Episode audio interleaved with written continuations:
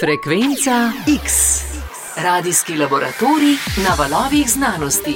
Pozdravljeni v frekvenci X. Tokrat nas čaka enostavno november. Nimamo ga vsi najraje, ampak prinesel je pa kar precej odmevnega dogajanja v znanosti. Ja, čeprav smo se skoraj ves mesec soočali z jesensko sivino in meglo, pa bomo današnji pregled eh, začeli v vremensko precej bolj prijaznih okoliščinah soncu in toploti egiptovskega Šarm el-Šejka.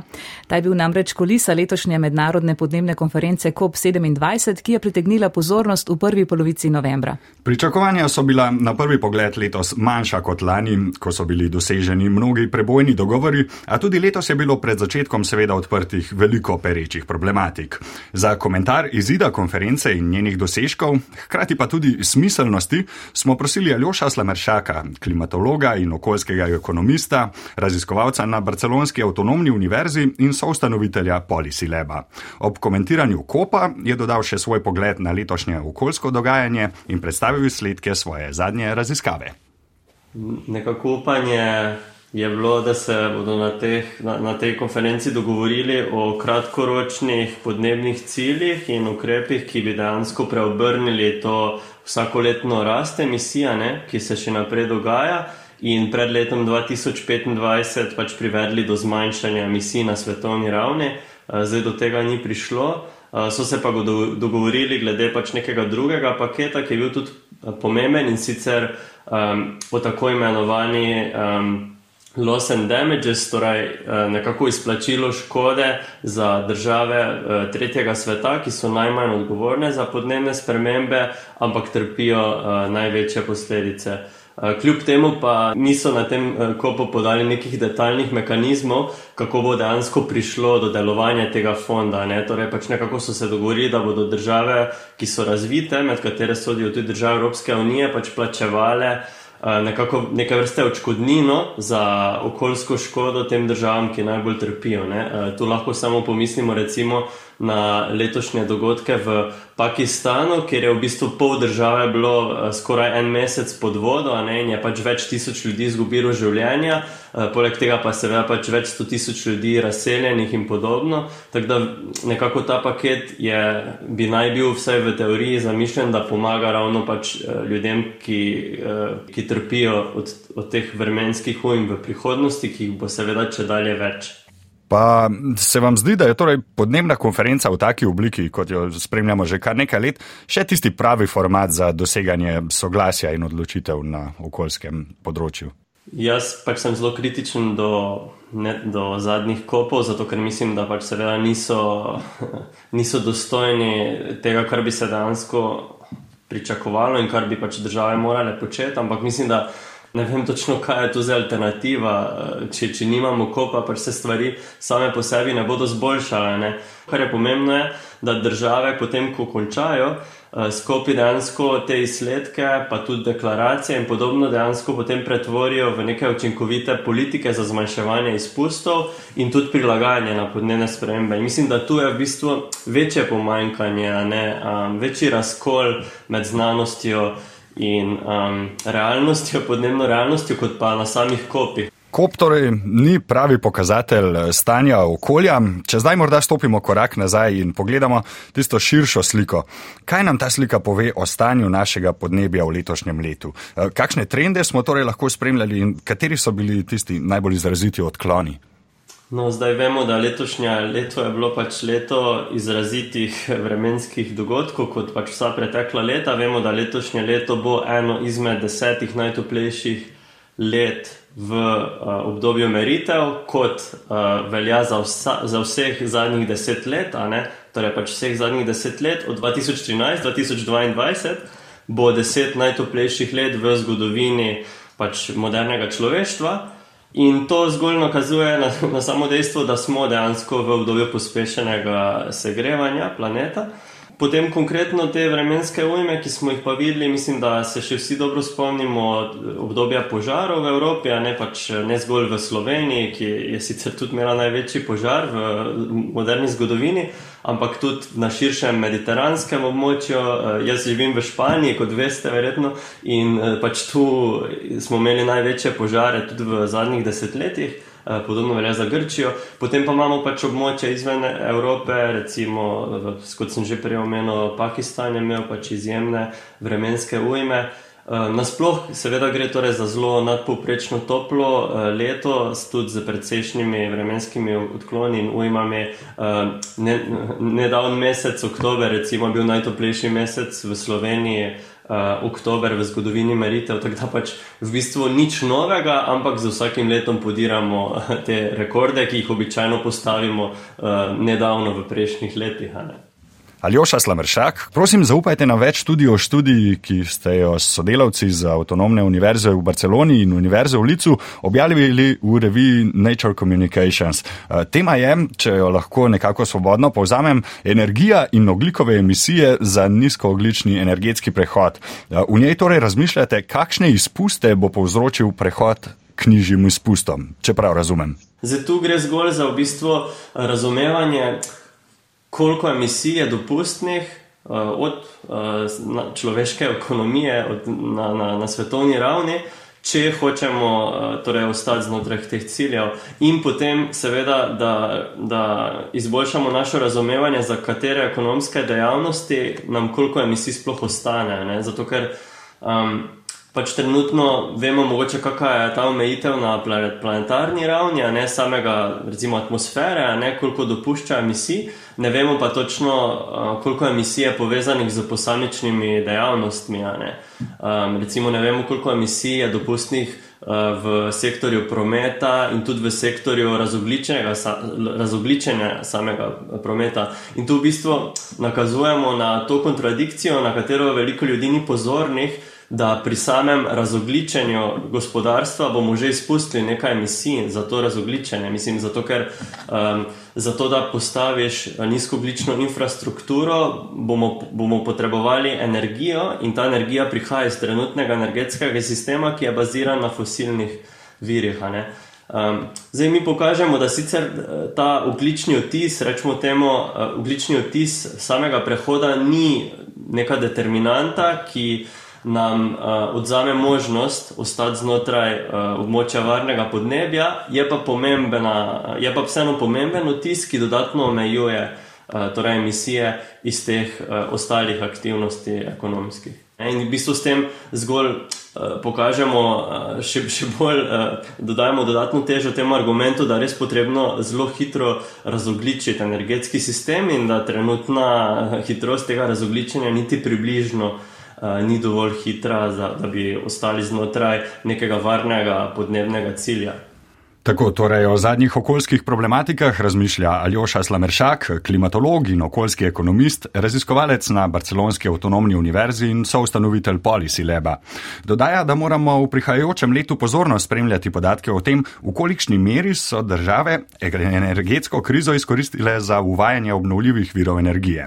In v frekvenci X bomo to vsekakor počeli. Frekvenca X. Poglejmo še nekaj drugih novic, ki so zaznamovale november. Točno na sredi meseca smo na Zemlji prestopili nov mejnik. Število svetovnega prebivalstva se je zavihtelo nad 8 milijard.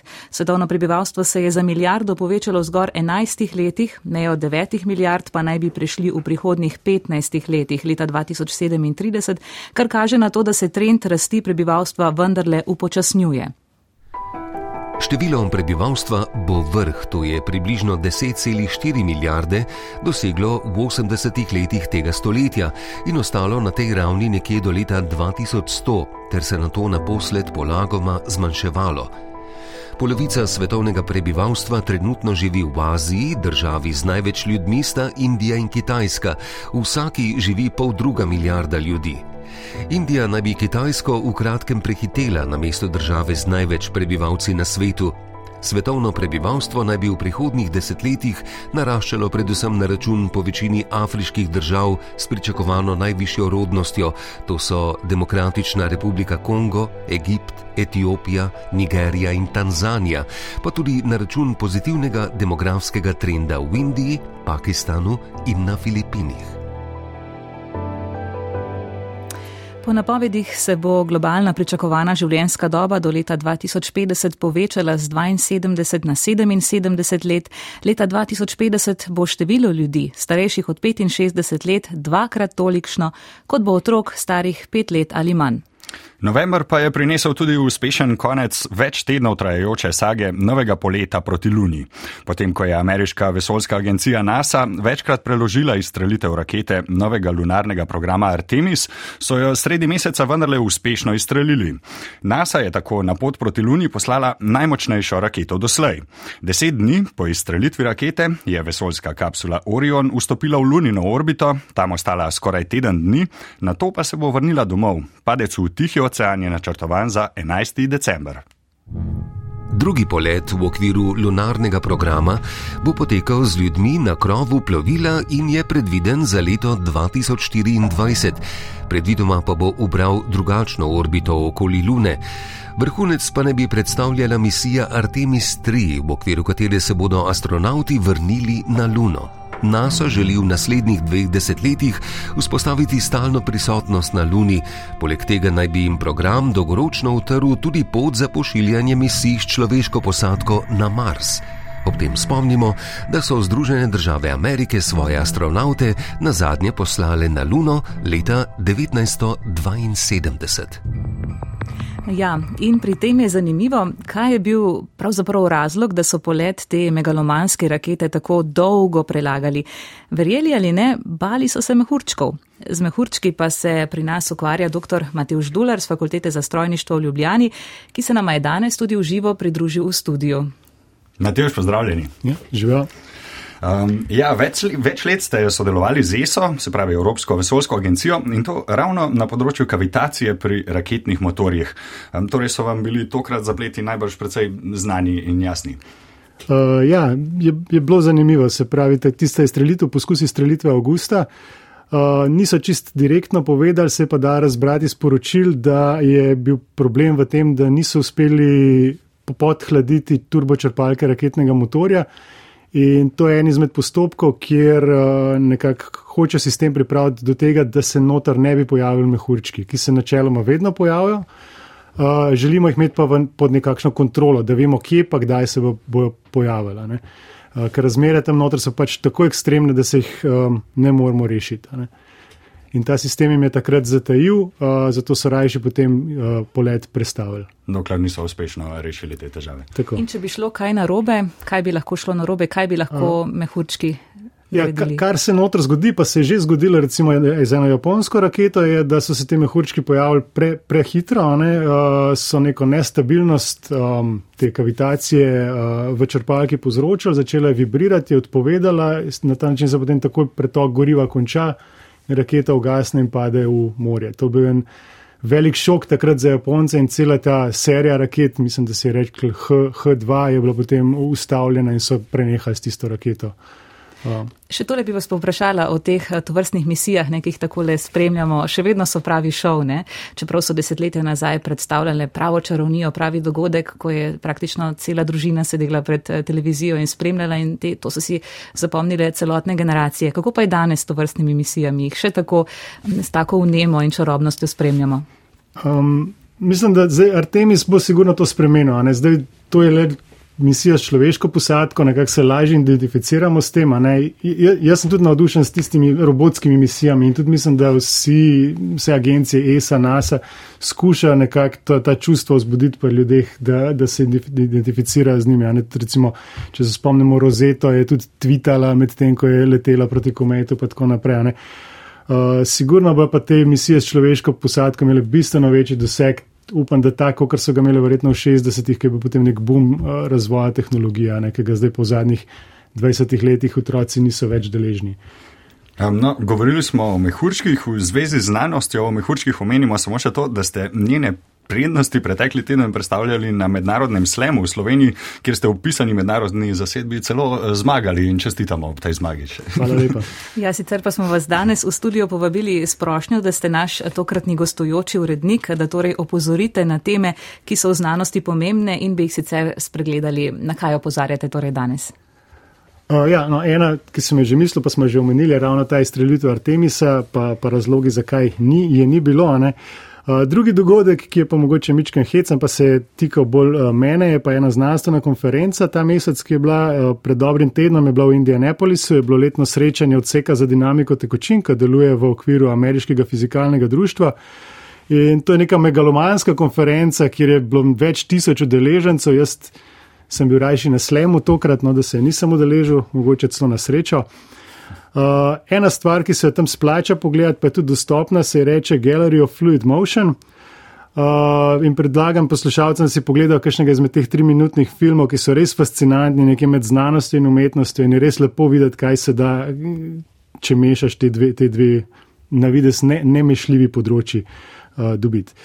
Um, en prispevek na tej konferenci je pa še posebej fascinanten, pa, pa zdaj odmeva tudi po raznih medijih, uh, ker kot pravijo avtori, rešuje več kot sto let star problem polovice prebivalstva tega planeta. Uh, namreč z pomočjo numeričnih pa eksperimentalnih raziskav so uh, najprej raziskali, potem pa nekako na novo zasnovali novo obliko pisuarja ki ne bi dosegel kar 50krat manjšo količino odbitega urina kot pri običajnih pisuarjih. Uh, tako da je kar pereč problem, bi rekla. Uh, zanimivo je to, da so zglede vlekli iz narave. Uh, najprej so študirali v resnici pse, ki so to nekako pridobili z evolucijo. Ko dvignejo taco, so ugotovili, da so se nekako naučili um, lulati tako, da je ta kot med curkom pa na opično steno vedno manjši od 30 stopinj um, da se urin ne odbija nazaj, na drugi strani so pa za lovljenje curka uporabljali nekako ukradli obliko polža, ki pa zagotavlja, da se ne glede na smer curka, uh, ta udar ob steno vedno pod večjim kotom in se spet ne odbija nazaj. Uh, za piko na i so študijo vključili celo moteče faktore, kot je tresenje, recimo, ko smo na stranišču na avionu. Um, ta naj, naj, najbolj naj lušna zadeva, pa vsem je pa ta, da je raziskava bila upravljena na univerzi Waterloo, Ne, in ulu v angleščini pomeni stranišče, ne, tako da gre za en lep tak uh, primer nomenest omen te raziskave. ja, in je lahko znanost očitno tudi zelo praktična, ne, tudi o lulanju lahko obstajajo znanstveni prispevki. Mateoš, hvala za zdaj, eh, malo pozneje se še vrnemo k vam v zvezi z Evropsko vesoljsko agencijo, torej s katero ste sodelovali v preteklosti. Še omenimo pa, da je ESA minuli teden predstavila pet novih astronautov, ki so bili izbrani izmed 22.500 prijavljenih. Novo generacijo evropskih astronautov sestavljajo francozinja, španec, britanka, belgijec in švicar. ESA je v astronautsko rezervo sprejela še 11 posameznikov in posameznic ter britanca Johna McFella, ki so mu pri 18 letih po prometni nesreči amputirali nogo in se bo pridružil para astronautskemu programu. Med prijavljenimi astronauti je bilo sicer tudi kar nekaj slovencev, držimo pa pesti, da jim uspe ob naslednjem naboru. Ja, med potovanjem po vesolju so včasih lahko odločilne tudi sekunde letošnji november pa nam je najbrž oduzel kakšno sekundo prihodnosti. Eh, kako? Države članice Generalne konference za uteži in mere so sredi meseca sprejele odločitev, da bodo postopoma ukinile prestopne sekunde. Ja, če še niste slišali za prestopno sekundo, ni to nič nenavadnega, ne skrbite. Eh, sekundo se zares da hitro spregledati, ampak za natančnost merjenja časa je tudi sekunda lahko pomembna. V zadnjih 50 letih smo na tak način usklajevali univerzalni koordinirani čas, ki ga merimo z atomskimi urami in realni čas vrtenja Zemlje okoli vrtilne osi. Eh, zakaj nastajajo razlike, pa sem vprašal Rada Lapuha, ki je na uradu za meroslovje zadolžen za mednarodno sodelovanje. Eh, prestopne sekunde smo eh, uvedli približno 50 let nazaj, na osnovi tega, ker smo za merjenje časa začeli uporabljati atomske ure, namesto opazovanja vrtenja Zemlje okoli svoje osi, kar je bilo do takrat referenca več tisoč let. Ko smo seveda uvedli merjenje z atomskimi urami, smo ugotovili, da so te atomske ure bolj stabilne, kot je samo vrtenje Zemlje okoli svoje osi. In ugotovili smo tudi to, da je ta naša ura nekoliko odstopa od samega vrtenja Zemlje. Ker pa smo seveda želeli, da je, da, da je ura poravnana z nočjo in dnevom, eh, tako kot je bilo do sedaj, smo želeli to uravnavo narediti do sekunde točno in eh, zato smo morali kar nekajkrat do zdaj v zadnjih 50 letih dodati po eno sekundo tej atomski uri, atomskemu času, ki, ki je dejansko velja za vse nas in ki ga tudi vidimo na naših mobilnih napravah ali pa urah ročnih, če hočete. zato da se to ujema z uh, astronomsko, z astronomsko polnočjo ali pa astronomskim povdnevom. Um, in kaj se je zdaj spremenilo, oziroma ali se je kaj spremenilo? Kaj ti, zdaj sekund ne bomo več dodajali. Torej, odločitev še ni dokončna, da jih ne bomo dodajali. Uh, vrtenje Zemlje se je nekoliko pospešilo, kot, smo, eh, kot je bilo ugotovljeno na zadnje, in eh, morda bi celo lahko prišlo do tega, da bi mogli eno sekundo oduzeti. Vendar pa eh, tako dodajanje kot eh, oduzemanje sekunde, ki ga sicer še do zdaj ni bilo, eh, lahko, lahko privede do težav, moten, eh, poznamo iz eh, eh zgodovine oziroma iz preteklosti, da, da, da so bile težave z letalskim transportom, z komunikacijami in tako naprej, ko je prišlo do tega, do tega prenosa sekunde. Temu bi se seveda radi tudi izognili, s tem bi tudi poenostavili eh, delovanje vseh naprav, ki so večinoma vezane tudi na točne merjenje časa. Zato so, so bile zdaj prvi pogovori, na, uh, formalni pogovori na najvišjem meroslovnem organu v, na svetu, To je uh, Generalna konferenca za uteži in mere v Parizu, kjer je sodeloval tudi naš direktor dr. Samo Kopač. Uh, in uh, dogovorili so se, da bodo do leta 2026 uh, skušali ugotoviti, uh, kakšne so možnosti za, uh, in ka, ka, kakšne rešitve bi bile možne za to, da bi teh sekund ne dodajali, vsaj toliko ne, da bi za kakšnih sto let ne več spremenjali tega, to pomeni, da bi to okno odmika od atomskih ur, od vrtenja Zemlje, pač povečali. Torej, samo, samo odločitev naj bi bila sprejeta 2026, upeljana pa naj bi bila leta 2035. Zaradi vseh težav, ki jih za sabo potegne tehnologija in, eh, in eh, problematika eh, premikanja ene sekunde v času. Ob koncu pregleda novic pogledajmo še med domače raziskovalne ustanove. Z inštituta Jožef Stefan so sporočili, da je sodelavka njihovega odseka za teoretično fiziko, dr. Zala Lenarčič, pridobila projekt na razpisu Evropskega raziskovalnega sveta za raziskovalce, ki začenjajo svojo samostojno raziskovalno kariero. Na IAS je to šesti raziskovalni ERC projekt, a prvi, ki ga je pridobila raziskovalka. Ja, še tole namen projekta DRAMES je raziskati realističen potencial neravnovesnih kvantnih sistemov sistemov s simetrijami. Simetrijo v fiziki označujejo ohranjene količine. Doktorica Zala Linarčič je sodelovki Nini Slaček v vodaji podobe znanja na Arsu to ponazorila s primerom tople grede. Torej, ja. Topla greda, ne, če nekako fizikalno pogledamo, kaj je topla greda, je to uh, sistem s približno ohranjeno količino. Ker, eh, kot vemo, pač ta nastekljena konstrukcija približno ohranja energijo in imamo le nekaj manjših izgub uh, skozi okna. In zdaj te izgube pa nekako lahko kompenzira oziroma kompenzira uh, sonce, torej manjše, ko so izgube, že šipkejše, recimo zimsko sonce lahko to kompenzira in stabilizira pač v resnici zelo visoke temperature znotraj tople grede, ki so veliko večje kot recimo zunanje. Torej to je en nek vzbujan Eh, sistem izven ravnovesja, ker če bi bil v ravnovesju, bi imel isto temperaturo kot zunanjost, tako pa je izven ravnovesja.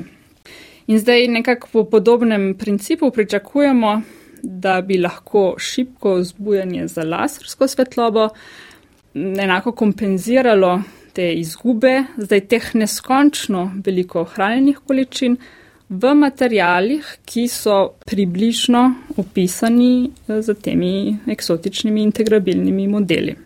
In eh, zakaj bi to, zato je nekako zanimivo, ne, zakaj bi pa lahko potencialno bilo tudi uporabno, je, ker kot sem prej omenila, je v, med temi ohranjenimi količinami lahko tudi energijski tok ali pa tok magnetizacije. Se pravi, kaj pričakujemo, da bi se lahko zgodilo, je, da bi ko bi na tak material svetili z lasersko svetlobo, bi ta kompenzirala realistične majhne izgube energijskega toka in stabilizirala vzbojeno stanje z ogromnim energijskim tokom, ki bi se potem lahko uporabljalo za recimo efektivno črpanje energije in hlajenje. Zaprav tako kot sonce lahko zelo segreje toplo gredo in poveča energijo znotraj nje, bi lasersko vzbujanje zelo povečalo energijski tok v materialu. Tako torej pojasnjuje dr. Zala Lenarčič iz inštituta Jožefa Štefana. Projekt bo Evropski raziskovalni svet financiral z 1,5 milijona evrov. Matevž Duler, nazaj k vam. Sami ste kar dvakrat prijeli projekt Evropskega raziskovalnega sveta. Za kako pomembno spodbudo v karieri gre in pravzaprav kakšna je konkurenca pri vsem skupaj? Um, ja, spet na ERC projektu je z eno besedo težko, mogoče 10% možnosti, in že samo da oddaš projekt je za, za čestitati, ker je res naporno napisati tako prijavo. Uh, ko ga pa dobiš, je pa to sigurno neka odskočna deska, pa ne toliko zaradi alinejev življenjepisa, ampak zato, ker imaš potem pet let časa za raziskave in ne zapravljaš časa za razne razpise pa iskanje denarja. Tako da si lahko več upaš, si lahko bolj rizično raziskavo in potem so tudi dosežki bistveno večji potencijalno lahko. Uh, Mateoš, uh, ta teden ste sicer kot slavni, slavnostni govornik uh, nastopili na predstavitvi največjih raziskovalnih dosežkov Univerze v Ljubljani v tem letu. Univerza namreč ta teden zaznamuje svoj slavnostni teden, 3. december velja za njen rojstni dan. Na kratko, kakšen je bil glavni povdarek vašega govora? Um, Moj podarek bi jaz rekel, je bil ta, da moramo biti raziskovalci ponosni na svoje dosežke in da je to, da se v javnosti govori o njih, eh, nujno, če želimo spremeniti nekak zavest posameznika, pa potem prek tega spremeniti kolektivno zavest, ki bo potem spremenila svet na nek boljši jutri. Doktor Matej Ždular, najlepša vam hvala za obisko frekvence X. Hvala vam. Čisto za konec pa še o eni prijetni temi. November je bil tudi dober čas za pregled knjižnih novosti, ki nam bodo krajšale dolge zimske noči.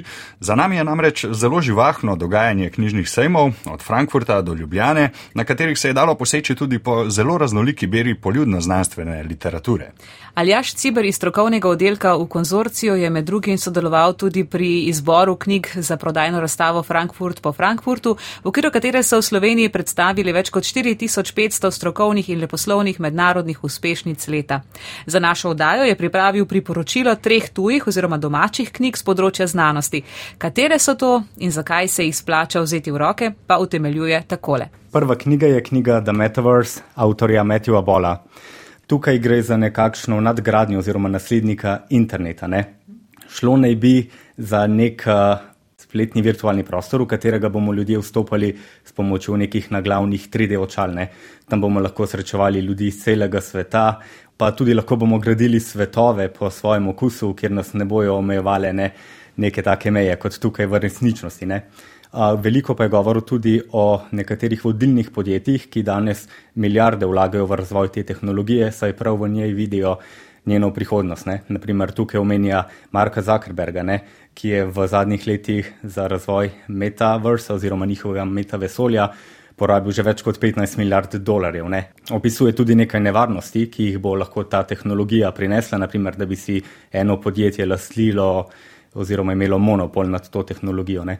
Potem greva k naslednjemu avtorju, to pa je morda slovencem malo bolj znan, to je pa Randall Monroe uh, s knjigo What If 2. Tako je. Ja. Za tiste, ki še ne poznajo Monroja, ne? on je po izobrazbi fizik, delal je tudi za NASA, je pa tudi navdušen ilustrator oziroma striper, ne? tako da on že leta piše zelo obiskan blog. Čez leta so mu bralci tega bloga pošiljali taka malce nenavadna znanstvena vprašanja. Ne? Na katera se je on odločil odgovoriti. Ne. Tako da leta 2014 je šla knjiga Watif, kjer je izbral neko selekcijo teh vprašanj, tako da zdaj po osmih letih je šlo še težko pričakovano nadaljevanje Watif 2. Ne. Zdaj on je, mislim, da je izbiral taka bolj bizarna vprašanja, ne. tako da če jih nekaj naštejem.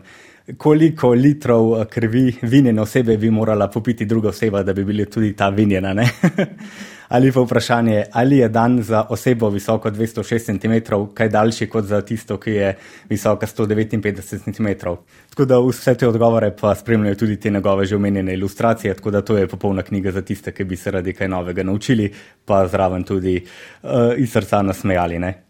In še tretja knjiga, to je pa tudi slovencem poznan avtor Bill Bryson, Človeško telo. Tako je. Ja. Zdaj Brysona verjetno veliko bralcev pozna, on je eden najbolj vsestranskih avtorjev današnjega časa. Je pa to zdaj šele njegova druga knjiga z področja popularne znanosti. Ne? Prva je bila skoraj 20 let nazaj, kratka zgodovina skoraj vsega. Ne? Tako da ta knjiga se imenuje Človeško telo. Bryson v njej dobesedno pokrije človeško telo od glave pa do peta. Tam na niza vrsto različnih in zelo zanimivih informacij o tem delu telesa.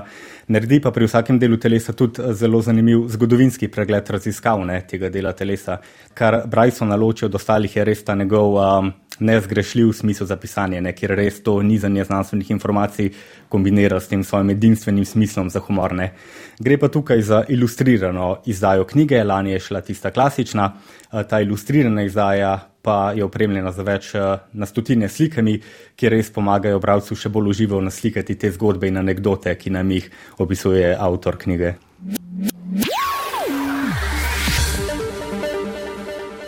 Tako, zaokrožili smo pregled znanstvenega dogajanja v novembru, ostane nam le še pogled v bližnjo decembrsko prihodnost. Ja, in tema naslednje frekvence X bo škodljivost ideološke polarizacije, v njej pa zdaj več vaš uh, gostitelj prihodnji teden, Luka Hvalc. Lepo pozdravljen. Lepo zdrav, zelo aktualni bomo, malce bolj družboslovni. Um, poglobili se bomo v to, kakšne so vzadja, zakaj smo toliko ideološko polarizirani, ne samo na področju politike, tudi žal pomembnejših vprašanj, pa tudi kakšne odgovornost medijev in pa resnična moč družabnih omrežij. Pri tem uh, moji sogovorniki bodo uh, filozof Sašo Dolenc, uh, novinar in ekspert za medijsko polarizacijo Kurt Strand z Danske in pa politolog in uh, psiholog uh, Luka Verstegen. Uh, študira na švedskem in mislim, da bi bil tudi sotekmovalec našega današnjega gosta Mateoža Dularja na znanstvenem slemu. Se veselimo, Luka, najlepša hvala. Za danes pa vsem poslušalcem hvala in lep pozdrav. Frekvenca X.